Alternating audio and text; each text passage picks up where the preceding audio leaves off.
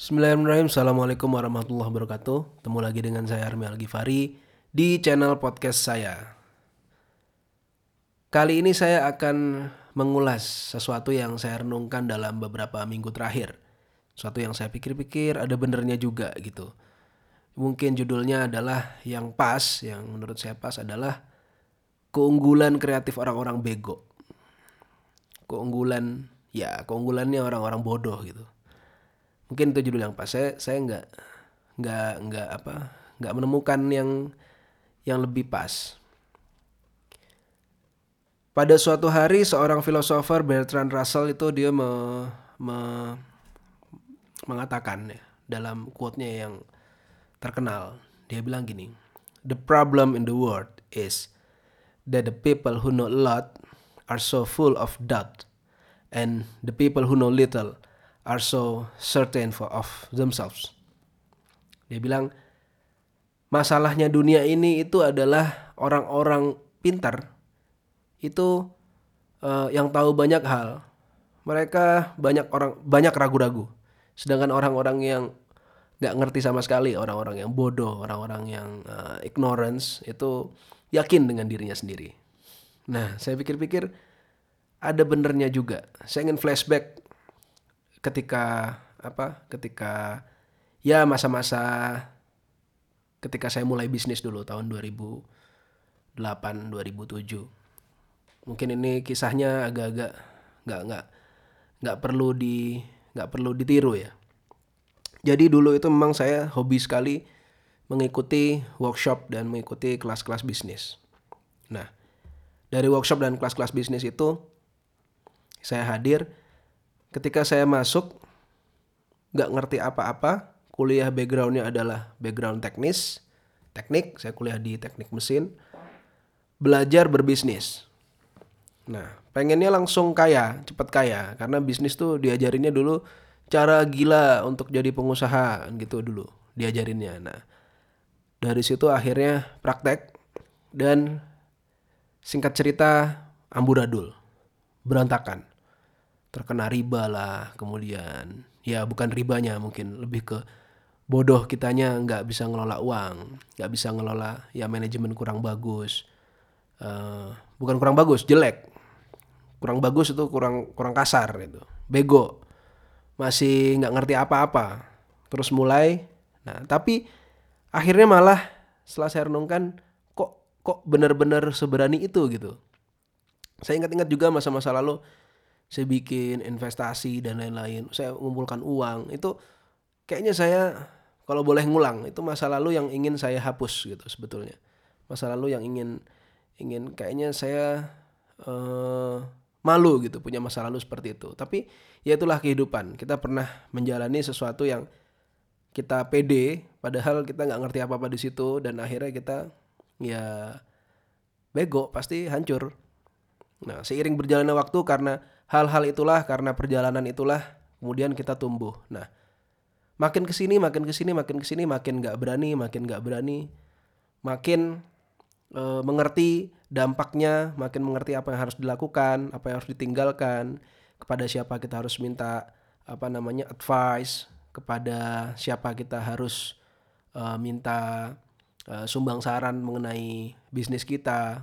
Nah, dari situ pelan-pelan pelan-pelan makin lama makin pinter makin pinter. Nah, itu itu sudah menjadi semacam hukum alamnya manusia. Makanya kalau teman-teman ngerasa terlalu excited, ngerasa terlalu kayaknya kayaknya berhasil nih harus begini. Kalau sudah terlalu excited, coba step back. Coba uh, duduk sebentar, berdiri, diam dulu. Kemudian berpikir, bener nggak sih yang saya lakukan? Kalau saya dulu duduk diem bener nggak sih yang saya lakukan? Ah peduli amat uh, masa bodoh lah udah jalan. Nah, akhirnya berantakan. Nah itu yang terjadi zaman dulu. Termasuk uh, di Facebook Ads juga. Nggak ngerti wah asal pasang iklan dan lain-lain karena memang nggak ada yang ngajarin ya. Pengen ngetes dan akhirnya boncos. Belasan juta puluhan juta nggak jelas pengeluarannya ke mana. Tapi dari situ lama-lama makin ngerti makin belajar. Nah hikmahnya adalah apa hikmahnya dari dari keunggulan orang-orang bego ini ya sesuatu yang harus kita tiru dari perilaku kita masa lalu ketika kita bodoh adalah perilaku berani.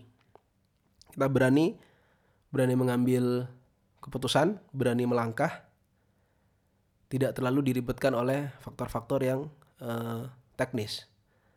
Tapi seiring bertumbuhnya kita, seiring kita uh, mulai memiliki banyak sekali pengetahuan di sana, kita harus tetap berani, tapi ibarat kata seperti kita naik mobil.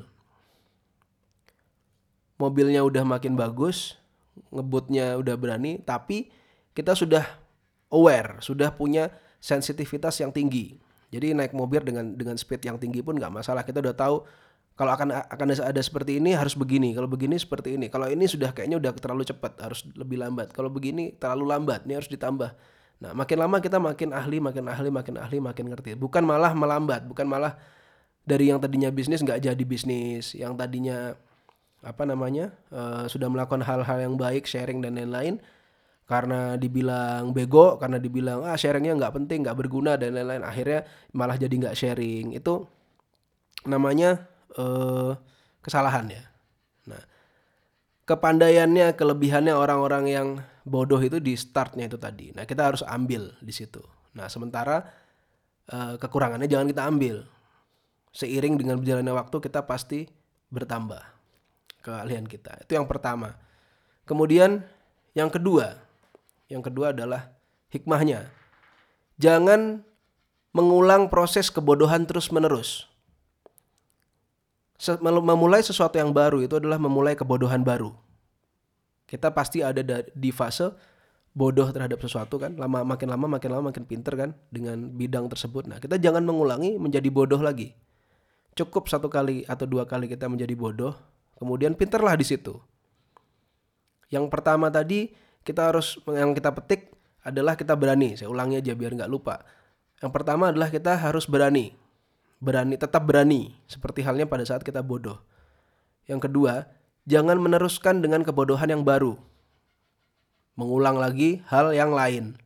Nah, kita harus meningkatkan apa yang disebut oleh uh, Charles Munger, dibilang uh, kita harus meningkatkan the circle of competence.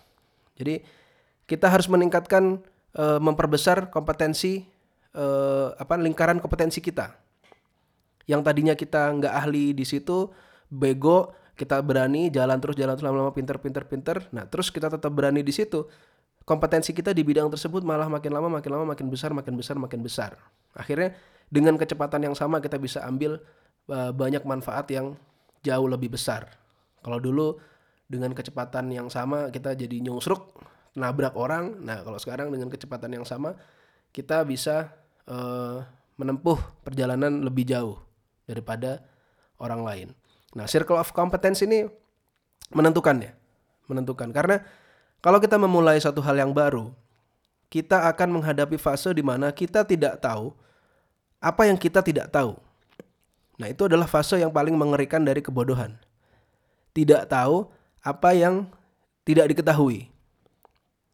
Seperti dulu waktu bisnis, um, investasi, wah narik narik narik nggak tahu bahwa ada um, masalah hukum misalnya, legal aspek nggak tahu bahwa menarik investasi di di di Indonesia itu ada aturannya dan ada lembaga-lembaga khusus yang hanya boleh mengambil investasi dari masyarakat. Tapi ini ngambil ngambil ngambil ngambil ya seperti yang terjadi kasusnya di Ustadz Yusuf Mansur eh, apa namanya terkena aturan-aturan OJK. Nah, itu uh, Ustadz Yusuf Mansur berada dalam posisi tidak tahu apa yang dia tidak tahu. Nah, mungkin kira-kira seperti itu contoh kasusnya. Akhirnya masuk ke fase kebodohan di tahap awal. Nah, kalau kita terus-terusan mengulang, mengulang dan mengulang hal baru lagi, hal baru lagi, hal baru lagi, ya kita terus berada di dalam kebodohan, kebodohan dan kebodohan. Maka dari itu, saya bilang, yang kedua adalah jangan mengulang-ulang. Jangan terjebur dalam kebodohan-kebodohan baru. Teruslah berkembang dalam circle of competence yang sama. Itu yang membuat Warren Buffett pada saat tahun 2000-an uh, gelombang.com masuk di Amerika, saham-saham.com uh, naik di Nasdaq. Satu-satunya orang investor besar yang tidak mengambil apa namanya tidak mengambil uh, saham, tidak mengambil saham-saham.com itu adalah Warren Buffett. Dia tidak mendapatkan apa namanya? Uh, tidak mendapatkan uh, gain dari situ. Tapi uh, pada saat itu dia juga tidak tidak tidak mengalami kehancuran di, di antara seluruh investor mengalami kehancuran. Gitu. Nah, beberapa tahun kemudian orang-orang tersebut mendapatkan keuntungan, Warren Buffett pun tidak karena dia tidak ada kompetensi di situ. Nah itulah yang membuat apa namanya uh, dia tetap berjalan sesuai dengan uh, apa namanya sesuai dengan kompetensinya dan dia makin lama makin pintar makin cerdas di situ sehingga keputusan-keputusan kondisi market dan lain-lain dia makin paham. Nggak ada lagi fase bodoh di di dalam bidangnya dia bagi dia. Nah dua hal itulah yang menurut saya penting untuk dicamkan penting untuk um, apa ya direnungkan. Yang pertama kita harus tetap berani kita harus tetap memiliki sebuah um, kecepatan seperti halnya pada saat kita masih bodoh. Tapi yang kedua janganlah terus-terusan mengulang sehingga kita bisa terus cepat dan menghasilkan sesuatu di situ. Itu aja mungkin dari saya. Mungkin kepanjangan kurang lebihnya ya silakan diterima aja. Ini podcast saya. Assalamualaikum warahmatullahi wabarakatuh.